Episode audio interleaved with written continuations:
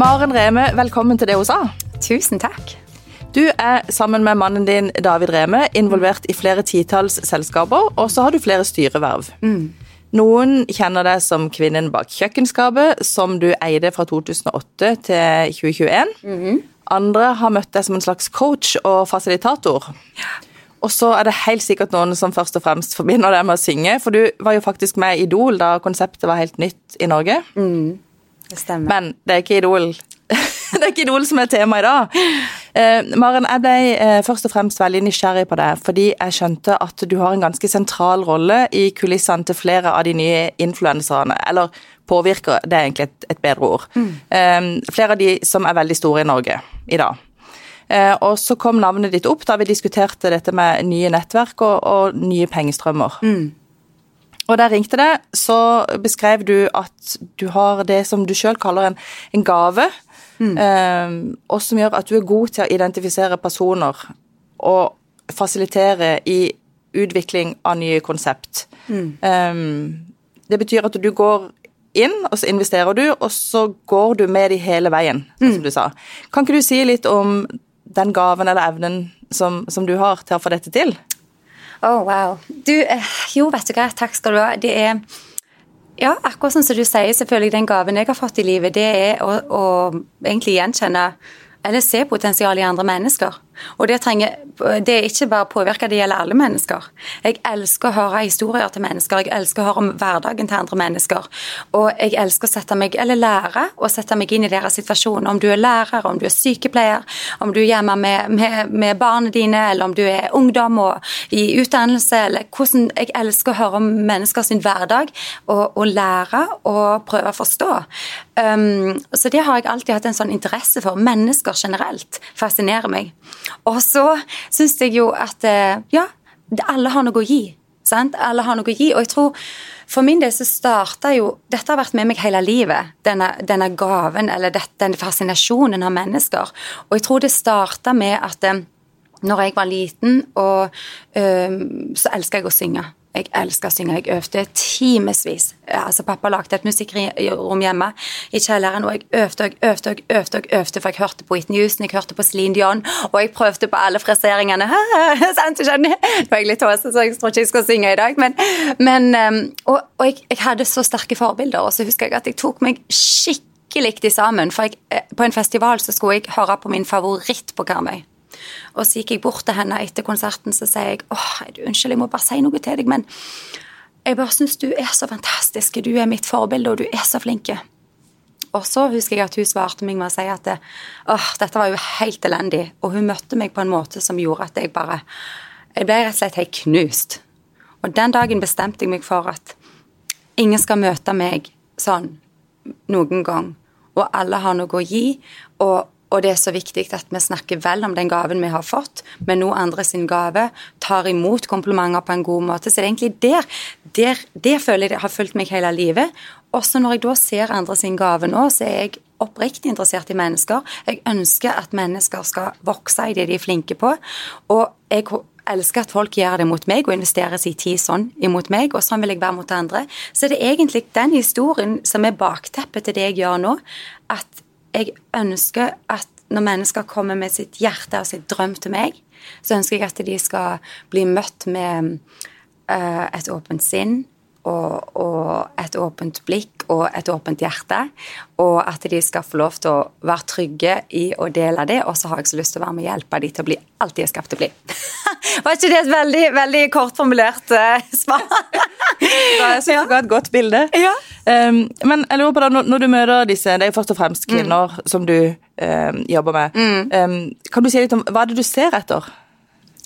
Det som, altså, jeg, nå jobber jo jeg veldig i, i en veldig sånn konkret bransje som er påvirkerbransjen, eller influenserbransjen du, du sier. Så da handler det jo om å møte disse her menneskene som faktisk har kommet til meg. I dag skal vi snakke om framsnakking. Jeg er her i dag pga. fantastiske Monica Nyhus, som, som framsnakka meg til dere, og dere ble nysgjerrige på mitt navn pga. den historien som, som hun fortalte om meg. sant? Um, så jeg tror at når jeg blir ekspo- Og pga. det så har ballen begynt å rulle veldig, jo at jeg har blitt i kontakt med mange influensere.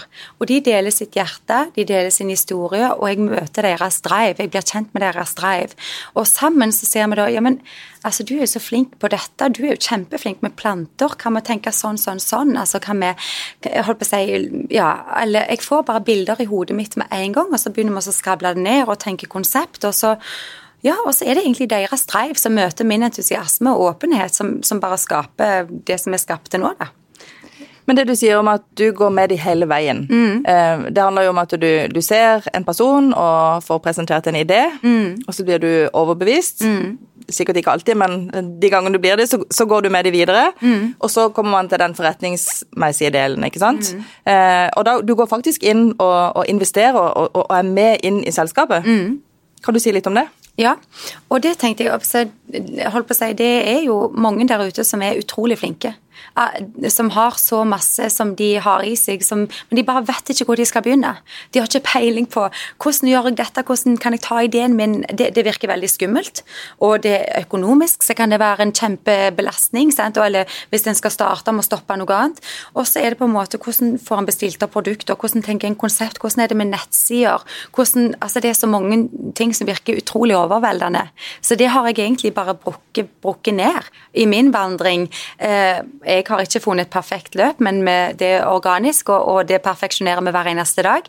Men jeg har prøvd å lage en modell eh, sammen med, med de som fungerer optimalt for de, og selvfølgelig som fungerer bra for meg som er en vinn-vinn-situasjon.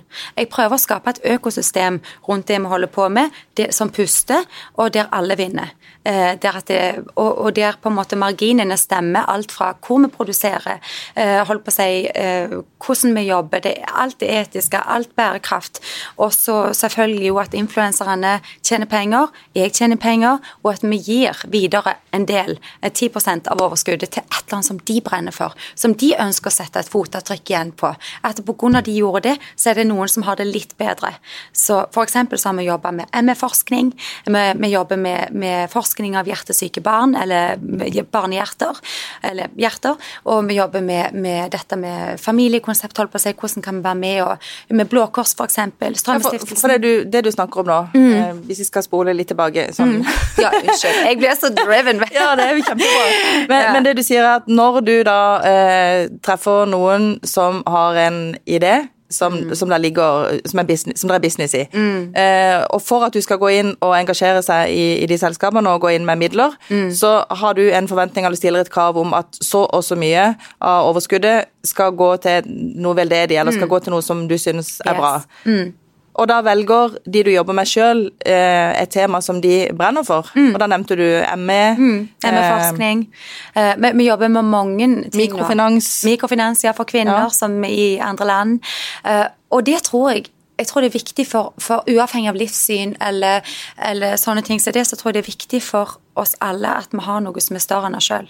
Sant? Jeg tror det der med å skape, det er det som skjer òg når vi skaper dette med kvinner heier på kvinner. Sant? Det er stort i seg sjøl. Fordi at her i Norge så har det Og jeg tror ikke det er bare dårlige intensjoner bak det i det hele tatt, men det har kanskje vært en sånn um, Janteloven har prega litt, men så er vi litt forsiktige. Sant? Og så tror jeg bare at den ordlyden som vi ønsker å få ut der ute, og som dere gjør så godt her, det handler jo om å på en måte heie på hverandre, høre på hverandre, lære av hverandre. og og ja, holdt på å si, skape det kollektivet der som løfter hverandre opp. For jeg tror 100% min erfaring i livet at you rise by lifting others. Og det, det kjenner jeg bare, det ønsker jeg å leve ut for resten av livet. fordi av og til så har jeg gjort ting bra, men det har vært en ensom vandring.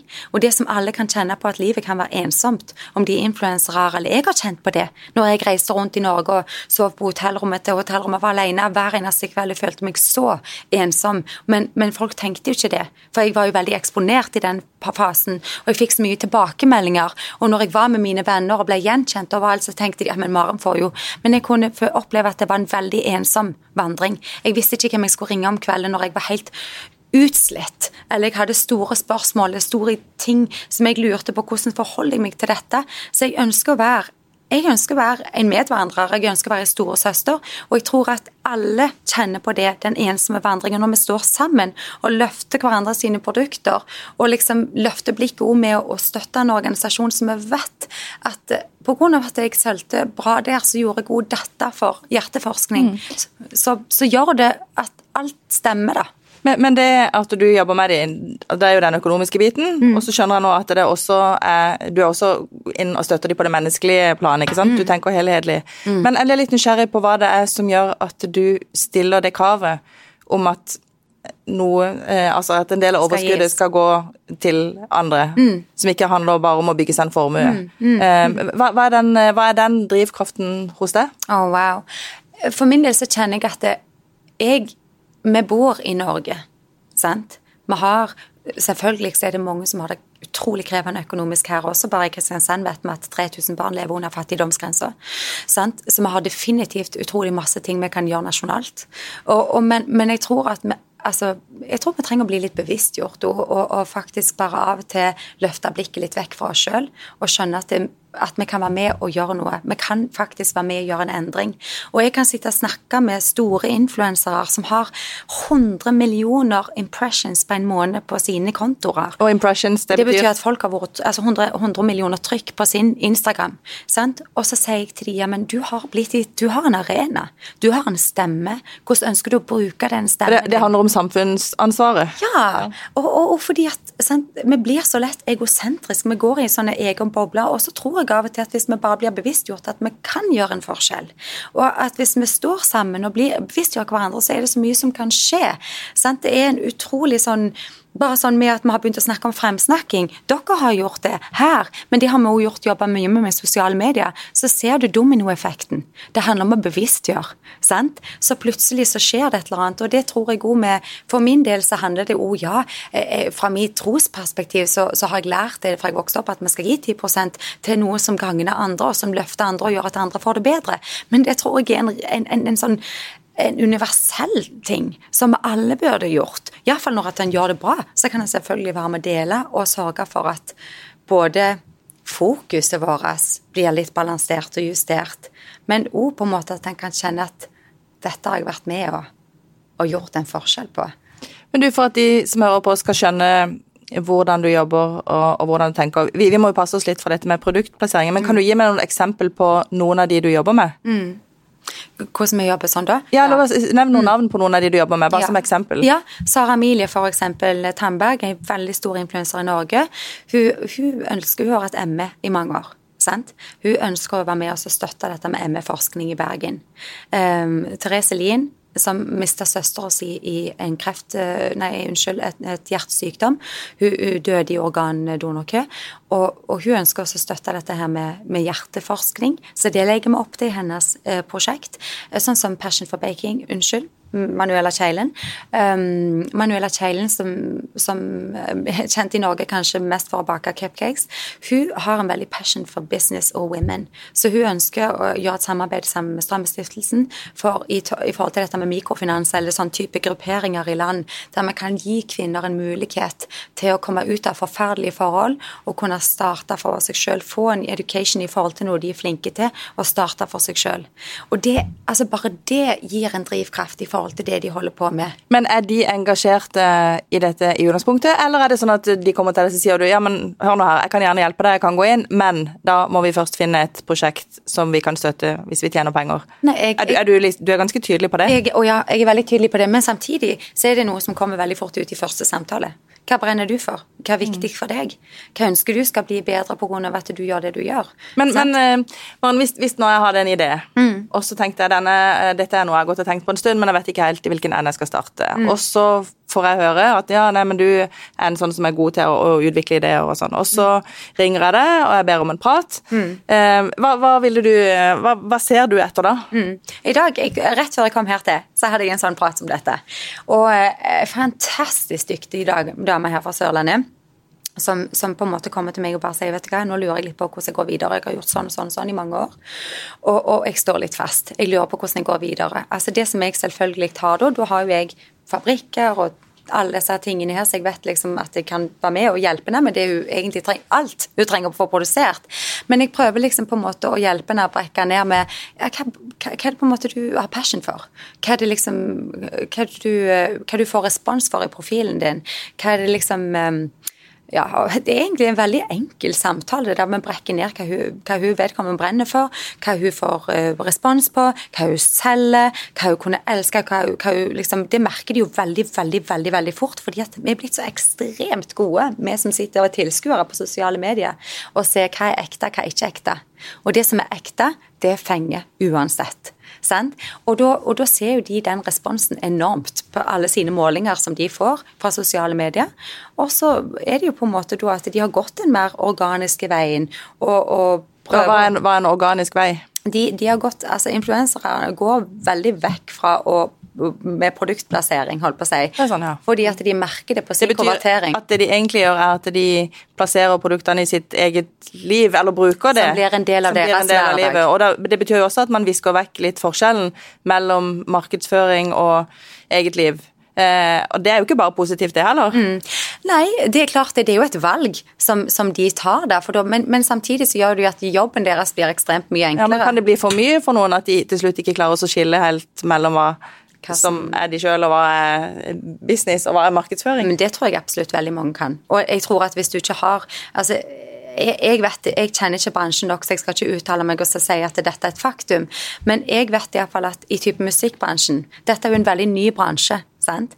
I, i musikkbransjen, si når jeg var Idol, sant? så var det jo psykologer til stede, og folk som du kunne speile deg i, og som hjalp deg i alle disse Det var management. Ja, det var et pro- profesjonelt apparat. Ja, det var et profesjonelt apparat rundt som på en måte var bygd over tid, som måtte kunne hjelpe deg og geleide deg og svare deg og alt mulig. Men er det, er det litt den rollen du går inn og tar nå, i tillegg til det forretningsmessige? Ja, det er det jo i forhold til Passer du litt på dem? Ja, rett og slett. Og jeg har hjerte for dem, for jeg har vært i den bransjen sjøl. Mm. For jeg visste på en måte når jeg var eh, ei ung, blond jente i den bransjen, og jeg fikk høre at hvis du kler deg sånn, Maren, hvis du synger sånne sanger, og hvis du spiller på sånn og sånn og sånn, og, og sminker deg sånn, og kanskje vi kunne eh, og få det inn i tekstene, da, da satser vi på deg. sant?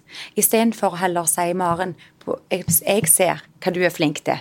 Jeg ser at du er god på dette, og jeg ser at her er publikummet ditt. Sant? Hvordan kan vi på en måte gjøre deg trygg og sterk i det, og hvordan kan vi bygge en business for deg rundt det, og tenke langsiktig, istedenfor å bare tenke kortsiktig. Og det jo, tenker jeg, fordi å ta bevisst gjør det litt og tenke her er du nå. Sant? Når du er 16 år, når du er 18 år, eller du er 26 år, du har 500 000 i inntekt i måneden. Sant? Dette, eh, hvordan kan du på en måte tenke, hvor er du om fem år, hvem vil du treffe da? Sånn, hvordan ser livet ditt ut? Um, og, og altså bare egentlig hjelpe de litt, og bevisstgjøre de litt, for det hadde jeg trengt sjøl. Men det er jo sånn at de vi ser, de vi møter i sosiale medier, de dattera mi på 13 følger, eh, det, er jo, det er jo de som har lykkes. Eh, men jeg vil tro at det er ikke sånn at alle du treffer, og alle ideer at, at du får liksom ikke tenning på alle. Å nei, nei. Det må vel være noen som du tenker at nei, dette går ikke, eller kanskje du bør gjøre noe annet. Hva, hva gjør du når, når du treffer de? Å, Klarer du å avvise noen? Godt spørsmål. Å, dette elsker jeg. For det første, når du sier at datteren din er 13 år, så er jo oh, dette en grunn for at jeg ønsker å være der jeg akkurat er. Jeg har jo barn sjøl, og jeg ser hvordan du sier påvirkere, og det er jo akkurat det en er. I dag ser du barn hvordan de lider med psykisk helse, de føler seg ikke gode nok og alle disse her tingene. Så det Jeg kan gjerne ha møter med veldig mange som folk tenker sånn I all verden, Maren, hvordan vil du assosiere deg med dette? Eller med de?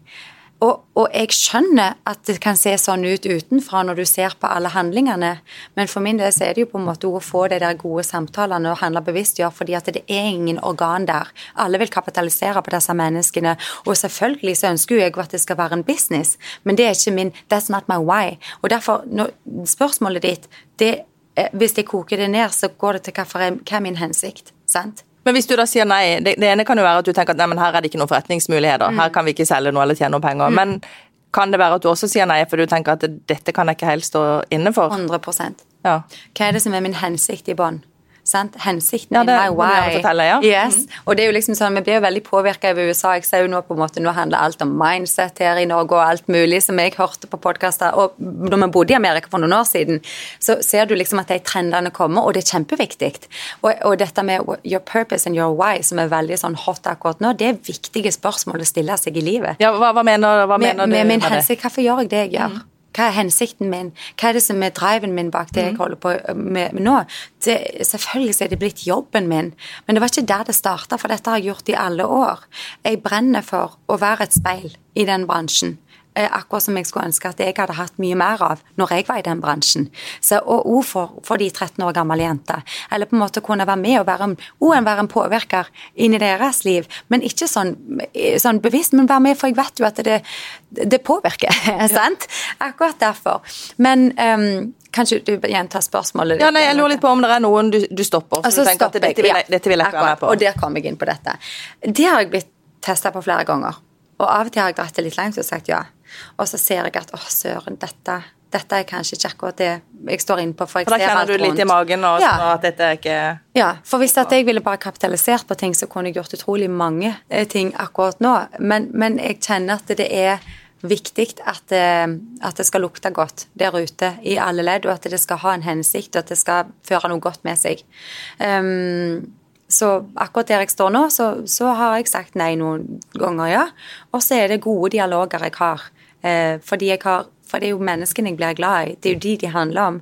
Så dialogene er der. Men så har jeg sagt at kanskje om en stund så får vi se hvordan det utvikler seg. Og så er det jo bare meg. altså Nå begynner jeg å gå i en ansettelsesprosess og har egentlig to på veien. Men, men eh, jeg har jo heller ikke den enorme kapasiteten at jeg kan holde på med alle samtidig. Du, jeg tenkte på um, en ting, for du nevnte USA. Ja. Og jeg vet at du er veldig glad i USA, og at dere har bodd der. Eh, og det var vel sånn at det kom eh, til et punkt i livet, du og mannen din der, der fant du at jeg ville gjøre noe annet. Mm. Eh, vil du si litt om det? Absolutt. Da hadde jeg um, drevet kjøkkenskapet og, og, det var en ja, det var en krevende tid for meg. fordi at eh, når jeg overtok kjøkkenskapet, så kunne ikke jeg lage caffè latte engang. Og for å være dønn ærlig, så kunne ikke det når jeg solgte det heller. så jeg hadde andre gaver inn mot kjøkkenskapet. Men, og der, eh, ja, fantastiske ansatte, og det var en reise der jeg lærte så ekstremt mye.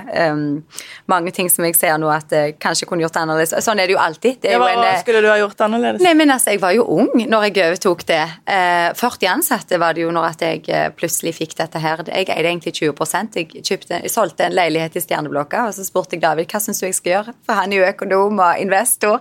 Du kan jo investere det. Så jeg investerte i kjøkkenskapet 20% Men så ble det egentlig litt sånn på grunn av litt ting. og ting som så, så, ble det egentlig mitt av 100% Og jeg, altså jeg hadde jo aldri det var, ikke, det var, ikke, der jeg hadde tenkt jeg skulle ende opp i det hele tatt. Utrolig takknemlig for alt jeg har lært. Um, og Kjøkkenskapet det er jo en, en kafé i Kristiansand. I Kristiansand. Ja, tre stykker faktisk, mm. med bakeri. Så um, eh, Så ville dere til USA? Så ville vi til USA, for vi kjente eh, David. Han eh, jobba i familiebedriften, vi hadde jobba ekstremt mye, og jeg har slitt veldig mye med helsa mi i mange, mange år. Så vi kjente at nå må vi rett og slett kalibreres og finne litt ut hvordan vi skal gjøre ja, legge opp livet vårt videre. Um, jeg hadde jo en ettåring, toåring på den tida. Um, ja, vi flytta vel egentlig når han var tre. Så vi kjente vi måtte sette på pauseknappen, rett og slett. Og finne liksom dynamikken på hjemmebane. For David han kunne være våken eller på jobb klokka fem om morgenen. Og hvis det var noen spesiale møter, så var han hjemme klokka elleve. Og, og, jeg sleit helsemessig og hadde kjøkkenskapet og kjente ja, nå, nå er livet tøft. Altså nå må vi gjøre et radikalt uh, valg og rett og slett uh, spørre oss sjøl hva ønsker vi, hvor skal vi være om fem år. Mm. Hvis vi fortsetter sånn, så så er, det ikke bra. Og vi må sette oss først. Og da tok vi et, et svært valg med å rett og slett uh, Det begynte med et halvt år, så vi reiste til USA og, og trivdes godt der og kjente at vet du hva her trives med. Og jeg er jo, jeg vet ikke om det er karmeblodet eller hva det er for noe, men sånn, det er noe amerikansk inni der iallfall. Så jeg, jeg, jeg følte jo jeg kom hjem, og, og det å liksom ja, vet ikke, bli møtt og heid på fra, fra dag én. Det var, bare så, åh, det var bare så deilig. Jeg bare tenkte at her har vi Jeg elsker Norge. Det er så mye med Norge som jeg er så stolt over. Men det hadde ikke vært dumt hvis vi hadde lært litt av denne åpenheten og Ja, hva vil, hva vil, du ta med deg? Eller hva har du tatt med deg? Hva vil jeg ta med meg? Men det her, altså, når jeg, jeg husker bare med Folk kom med middag på dørene og hilste på oss. De, vi bare følte oss så integrert med en gang. Og bare, hvordan kan vi hjelpe deg? Og, liksom, og de var interessert i å bli kjent med oss og hjelpe oss, og ikke med noe sånn økonomisk perspektiv. Skjønner du, men det var bare det var rett og slett eh, utrolig fint å bare møte en annen kultur, som egentlig er veldig forskjellig fra den norske kulturen på så mange ting. Det er et annet land. Um, selv om det er USA, og ikke på en måte Afghanistan eller Afrika, så er det en annen kultur. Til og med i Norge så opplever vi at vi har mange kulturer, så det var noe helt annet. Og det var så godt å bli inkludert og møtt og tatt vare på på den måten som vi gjorde når vi kom over der. Og heid på, rett og slett. Og det var så bra at du egentlig hadde lyst til å bare fortsette å bo der, ja. men, men, sånn gikk det ikke? Nei. Og så var det mange forhold som spilte inn med sykdom og litt sånn i familien min, som gjorde at jeg syntes det var veldig langt å bo langt vekke. Jeg hadde ett barn. Vi ønska jo å få flere barn, men det tok sin tid og grunn pga. min helse. Og jeg, han ble jo veldig amerikansk. Han gikk jo der Sønnen din? Ja, Amadeus. og han ble jo Han snakker jo flytende amerikansk. Han var jo, gikk jo på, der på skole, barnehage. og ja, jeg kjente liksom Han kan ikke liksom om Askeladden, og han kan ikke om alle disse norske eventyrene. Og, altså, sånn, så jeg kjente liksom at åh, det var noen sånn verdi, et verdivalg, rett og slett. Ja, det var noen ting du ville han skulle få med seg fra den norske kulturen. Mm. Mm. Og så syns jeg det er mye som har skjedd òg. Altså, nå tar jeg dette her litt videre, men jeg husker vi bodde jo der under Trump uh, når han ble president. Og jeg husker liksom at jeg tenkte åh, jeg er så stolt av Norge på hvordan vi liksom har integritet. da. Hvordan vi liksom ikke lyver, hvordan et ord er et ord. Hvordan vi ikke baksnakker hverandre på den måten, eller, eller på en måte i, i, media, hvordan en på en måte snakker om hverandre og henger hverandre ut. Og så syns jeg jo det har skjedd en ganske stor forskjell de siste, siste, årene. For det husker jeg var noe som jeg sa til alle, at åh, det jeg elsker med Norge, det er liksom den derre ja, med, den der jordnærheten og liksom kvaliteten og liksom Ikke bare i naturen rundt oss at alt er så rent og sånn, men bare i oss òg. At vi har vi er på NRK. Liksom. Altså, det er bare et eller annet sånn kjernesunt som, som, på en måte um, kanskje de siste årene har endra seg litt. da. Men så, så, dro du jo hjem, mm. um, og til dette du hadde savna, mm. og alt det gode på en måte som du, ja, som du, som du ville ha med deg av det mm. norske. Men uh, du følte jo på mange måter at var, du krasjlanda litt når du kom til mm. Sørlandet, så det var ikke bare positivt, uh, det heller. Og, og, da er jeg litt nysgjerrig på det, for det, du kommer jo fra, uh, fra Karmøy, mm. bor på Sørlandet, har bodd i USA, kommer tilbake igjen. Det betyr jo at du ser kanskje Sørlandet litt også med, altså med, med litt andre briller enn vi som som bor her og har vært her mm. mesteparten av tida. Mm. Eh, kan ikke du si litt om hvordan du opplevde det, gjerne sånn i forhold til jobb og kommunikasjon mm. osv. Hvordan, hvordan var det å komme til Sørlandet? Oh, wow, Det er et sykt kult spørsmål. At du som sørlending stiller meg det. Takk. Nei, altså, Jeg elsker jo Sørlandet, og Sørlandet er jo bare helt fantastisk. Men det var, det var og det er godt å bo på Sørlandet, og, og um, det er trygt å bo på Sørlandet. Så det var godt å komme her til på, så, så mange, altså med så mange aspekter. Og, men, men jeg, vi kjente nok at den der um, amerikanske Alt er stort i Amerika, sies det jo alltid, men altså virkelig hele opplevelsen med å bo i Amerika er jo på en måte det er jo en stor opplevelse i seg sjøl. Um, som på en måte bare når du skal liksom sette det inn en helt annen boks i Norge, så bare for min del så var det litt sånn krevende. Da. Det passet ikke helt. Det fra og det Ja, jeg, jeg, tror bare at jeg kom virkelig til live når jeg kom i den kulturen.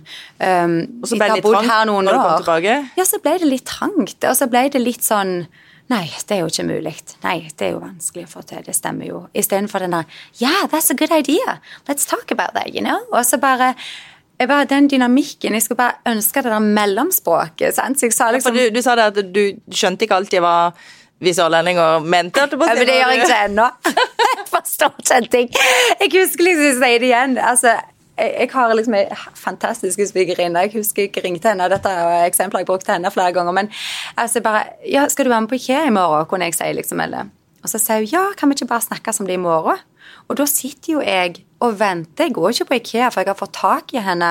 sant? Eller, eller liksom... Ja, For da tror du at det er et ja? Ja, for jeg tror det er ja. Og da sitter jo jeg og venter til jeg får tak i henne før jeg går på Ikea. Hvis ikke føler jeg det er disrespectful. Men så det der la ditt ja være ditt ja, la ditt nei være ditt nei, det er noe som sørlendingene på bibelbeltet virkelig til tatt inn over seg. For jeg syns det er så vanskelig å skjønne den tja eller greit. Og det tror jeg de aller fleste, for dette er en gjenganger blant oss som ikke er sånn oppfostra her på Sørlandet, selv om pappa er sørlending. det. Men, men vi skjønner ikke helt dette her kan vi ikke bare, mest bare se, eller, eller, ja, det kan vi snakke om i morgen, og så skjønner vi ikke egentlig at det er et nei. Så det, det kan kanskje Ja, det hadde vært bra, tror jeg, for resten av Norge hvis sørlendingene kunne jobbe litt med. Ja. Du, jeg lurte på en annen ting, Maren. Um, for du jobber jo sammen med mannen din, Mm. David Reme. Og han har jo et navn som mange forbinder med Sørlands, eh, en sørlandsbedrift. Ja. ja. Eh, Åssen er det å jobbe sånn eh, tett sammen med mannen sin liksom, i, i å drive forretning Ja. Sammen er, med ektemannen? Å, det, det er kjempespennende. altså, ja, jeg tror nok um, meg og David er, vi har det veldig bra. Og vi har, vi har det veldig gøy sammen. Og vi er veldig sånn driven begge to. Så det, det var liksom der vi fant hverandre, egentlig. da. Så det fungerer ekstremt bra. Vi, vi utfyller hverandre veldig, veldig godt. Han har jo en helt annen økonomisk sans på mange sett og vis enn det jeg har, og en helt annen forståelse av så utrolig mange ting. Han er min aller største mentor. Og, og jeg virkelig er så takknemlig for alt han har lært meg. Um, og jeg hadde, jeg hadde Jeg har alltid hatt mye visions og dreams og gjør egentlig det som jeg alltid har drømt om å gjøre. Men, men når David traff meg, så Altså, og jeg husker jo jeg hadde eh, hele regnskapet mitt. Jeg hadde reist liksom i 320 dager med, og reist rundt i hele Norge, og så kom jeg liksom i desember og skulle gjøre regnskap, og så hadde de en stor søppelsekk. altså, jeg, på en måte I forhold til eiendom og entreprenør som han har jobba med, så hadde de andre systemer enn mitt system. Så det er mye ting jeg kommer til å lære meg opp igjennom. Men, men dynamikken er utrolig god, og jeg tror faktisk òg at det, det at ja, jeg, jeg har alltid syntes det har vært veldig fint på hvordan han har hørt på min kvinnelige stemme. Um, jeg har aldri følt meg uh, belittle, eller hva heter det? Altså liten eller ikke respektert. Og det er kanskje det fineste komplimentet jeg kan gi til han, som jeg virkelig setter pris på. At han, han har alltid hørt på min stemme. Ikke alltid han velger å gjøre det jeg sier i det hele tatt, men det er en utrolig respekt som ligger i bånn, som gjør at vi kan gå inn i alle de fleste møter eller styrer eller alt mulig sammen når vi gjør noe sammen. Da han gjør jo veldig mye sammen nå med, med entreprenører og med, med familiebedriften, men, men da er det Når vi jobber sammen, så er det en utrolig fin dynamikk. Mm. Hvor bevisst er du på det at du sjøl nå er veldig, veldig privilegert, ikke sant? Fordi at dere har en del ressurser i firmaet som henger sammen med, med hans bakgrunn. Mm. Og det er jo noe av dette du kan bruke når du skal investere i nye ting. Mm. Hvor bevisst er du på, på din rolle her og i forhold til det? Mm. Åh, godt spørsmål. Det må jeg først og fremst si at det er veldig atskilt, faktisk. Så det som jeg gjør her, det har jeg gjort fra null og scratch og sjøl. Og det har vært viktig for meg. Fordi at dette er mitt hjerte og, og min business og, og, alt mulig. Og David er en superressurs eh, som mentor og alt mulig inn mot det. Um, og altså, meg og David kommer fra to veldig forskjellige settinger sånn sett, og, og sånn økonomisk ressursmessig sett. Så jeg vokste opp med å arve absolutt alt. Jeg har hatt en fantastisk oppvekst. Men jeg husker mamma kjøpte størrelse 40 i sko fordi jeg skulle vokse. Da hadde jeg vel 35 eller noe sånt. Du har ikke kommet der ennå? jeg har ikke kommet der ennå. så jeg har nok hatt en annen sånn tilnærming til mange ting som må skape en veldig fin dynamikk da, i alt det vi holder på med. Mm. Du, Noe som er litt gøy med denne nye trenden med dette med påvirkere og influensere Man kan si mye kritisk, og det er det jo mange som gjør, men det er jo noe som er litt gøy. For det betyr jo faktisk at man kan starte noe nytt mm. uten ja. å nødvendigvis yes. eie en fabrikk eller ha en hel med utstyr. Du trenger, trenger ikke engang et kontor, men mm. du må ha en god idé, og så yes. må du selvfølgelig ha en mobiltelefon og yes. sans for å, å, skrive eller ta, ta bilder. Ja. Um, kan du si litt om, om hva du tenker om det? Mm. Den. De mulighetene som ligger der? Ja, absolutt. Og vet du hva, først og fremst vil jeg si det er helt riktig det du sier. Har du en mobiltelefon og en idé, så kommer du ekstremt langt. Og ting er nettbasert, og du kan finne enkle løsninger. Så det som jeg tror faktisk i dag, det, det, det er det manko på. Det er faktisk det der eh, støtteapparatet rundt i et sånn type kollektiv, som, som, på en måte det jeg holder på med nå. da. At du på en måte kan eh, vatre ideene dine og sperre ideene dine med, med noen andre. Um, det er den ekstrem verdi i.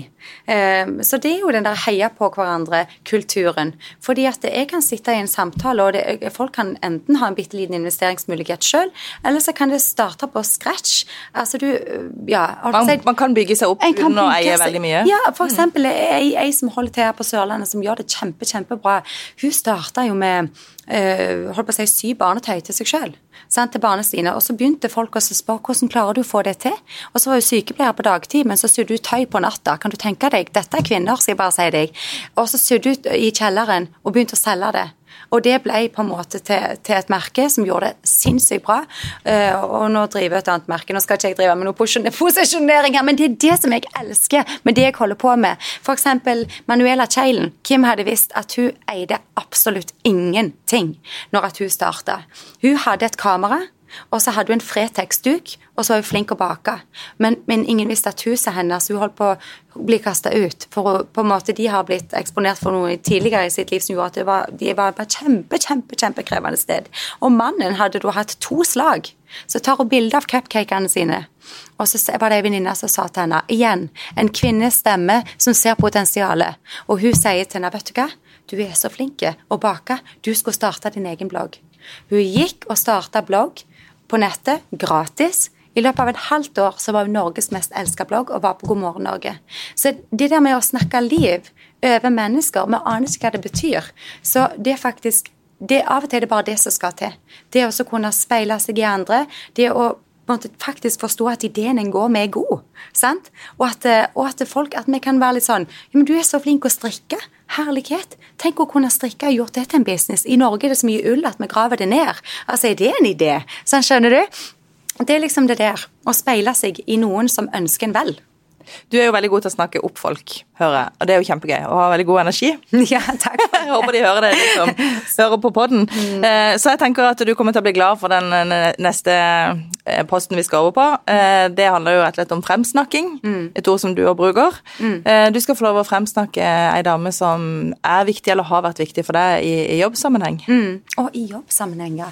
Ja, det må ikke være jobbsammenheng, men noen som har mm. påvirka. Mm valgene du har tatt. Mm. Mm. Men jeg har jo hørt denne fine podkasten deres og syns det er jeg må bare si igjen takk for at dere gjør det dere gjør. Det er så bra. Det å fremsnakke, det betyr så mye. Og jeg er her i dag pga. at Monica Nyhus framsnakka meg. Jeg kunne, åh, og hun er, ja, hun er fantastisk. Og det er så mange som jeg kunne fremsnakke, fordi det er ikke vanskelig å se hva folk er flinke på. Men jeg, jeg har lyst, siden å er med på Sørlandet, så har jeg lyst til å velge ei dame. Og jeg kjenner ikke henne personlig. Jeg har møtt henne med noen, med noen, anledninger. Men det gikk inn for meg, for hun døde for eh, to uker siden, tre uker siden, og det er Liv Haaland. Liv Haaland? Ja, Liv ja. Haaland, som var gift med Bjøro Haaland. Og vi vet jo alle at han har hatt en supersuksess. Sant? Han er vel en av de som har solgt mest plater i Norge. Um, han, er, han, bor i området der jeg bor, og jeg har sett han på butikken med flere anledninger. Men jeg tenkte på når hun døde, så tenkte jeg, eh, for jeg så det på Facebook, at jeg har fått lov til å møte henne med to anledninger. Og hun har en posisjon uh, her i byen og skapt og gjort så mye bra. Og måten hun møtte meg med, det, det gjorde noe med, med, meg. Og det gjør at jeg husker det. Hun møtte meg med et åpent blikk. Hun var interessert. Hun stilte meg noen spørsmål, og hun, jeg bare merka at hun ønska meg vel. Hun gjorde inntrykk på deg? Hun gjorde inntrykk på meg. Og jeg traff henne med Jeg gjorde en jobb på Næringsforeningen og, og sang med Bjøre og delte scene, så var hun der igjen. Og så var hun bare så utrolig fin, oppmuntrende og positiv, og jeg tenkte wow. Altså, jeg, jeg gikk derfra med det møtet med henne og følte bedre med meg sjøl. Og det tenkte jeg bare holdt på å si, det gjorde inntrykk på meg. Og det datt i hodet mitt at wow, jeg ønsker å være et sånt menneske for andre. Så det gjorde noe med meg der, men òg videre. Hvor viktig det er å faktisk møte mennesker med respekt og et åpent blikk, og, og, gi noen gode ord som du ser i det mennesket, for det kan bety mer enn du aner. Og det gjorde Liv Haaland sine ord i mitt liv. Og derfor har jeg faktisk lyst, akkurat selv om hun er død, skulle ønske at du hadde hørt det. Um, men iallfall, jeg har lyst til å hedre henne for akkurat det, og for den hun var for denne byen, og den arenaen hun skapte for mange artister. Jeg ble invitert inn der, og det um, det skapte en opplevelse for så mange rundt. Men òg fordi Tenk den kvinna hun har stått med sin mann i så mange år, som har reist rundt omkring og hatt så suksess. Så ja, de kvinnene der får jeg en sånn ekstra respekt for. Mm. Takk for en god, en god fremsnakk. Mm. Uh, vi har fem, uh, noe som vi kaller for Fem kjappe. Mm. Så det blir litt sånn switching i ja, nå skal jeg være For å være litt alvorlig, for ja. dette er jo litt mer sånn eh, litt, litt sånn lettere, da. Um, men uh, da spør jeg, hvilken jobb kunne du ikke ha hatt? Jeg tror at jeg måtte vært noe med altså økonomi, veldig sånn å drille ned tall og sitte med Excel-budsjett og altså sånn. Altså da mener jeg ikke sånn som jeg gjør nå, men kanskje revisor, kanskje. Ja. Da er vi to. Den jobben kunne ikke jeg heller hatt. du, hva må du ha hver dag på jobb? Mm, jeg må ha en god samtale. Mm. Er det noe du har i veska di som du ikke kan legge fra deg? Er det sånn at jeg må sjekke det? For det er litt sånn Jeg tror jeg, Ja Nei, men altså, det blir jo lett telefonen. Ja. Ja. rett og slett. Altså, Som jeg ikke kan legge fra meg. Altså, Jeg må iallfall ha den med. Du må ha den med. Ja. Ja. Mm. Det er ikke så rart. Nei. Du, så lurer jeg på om du har en eh, life hack. Mm. Altså et, en, ja, et godt råd eller et tips eller noe du gjør for å få hverdagen til til å gå opp. Jeg tror kanskje smil, eh, smilet mitt, men samtidig eh, lysrosa lipgloss og store solbriller, så, så virker det i fleste hverdager. Det er greit av og til å kunne gjemme seg bak noe. yes. bak noe også. Okay. Så har vi et eneste spørsmål igjen, og det handler egentlig om hva var det siste du leste eller hørte? Altså en podkast eller en bok, eller Um, det er jeg, er jeg, er ja, det, jeg er midt i den nå. Den heter The Ruthless Elimination of Hurry. Som handler om tilstedeværelse, rett og slett. Er det bok eller podkast? Ja, det er bok. Mm. Veldig Gir noen gode tanker. Vi blir eksponert for ekstremt mye, og hvordan på en måte finne hvilepulsen i hverdagen. I alt en holder på med. Mm. Maren Rene Reme, tusen takk for din tilstedeværelse her i, i Det hun sa, podkasten. Veldig Så gøy å høre deg fortelle. Takk skal du ha. Så kjekt å være her. Du har lytta til Federlandsvennens podkast 'Det hun sa' med Birgitte Klekken. Har du tips til andre bra damer vi bør snakke med, eller har du lyst til å dele inspirerende erfaringer fra ditt arbeidsliv? Ta kontakt på dethosa1fun.no.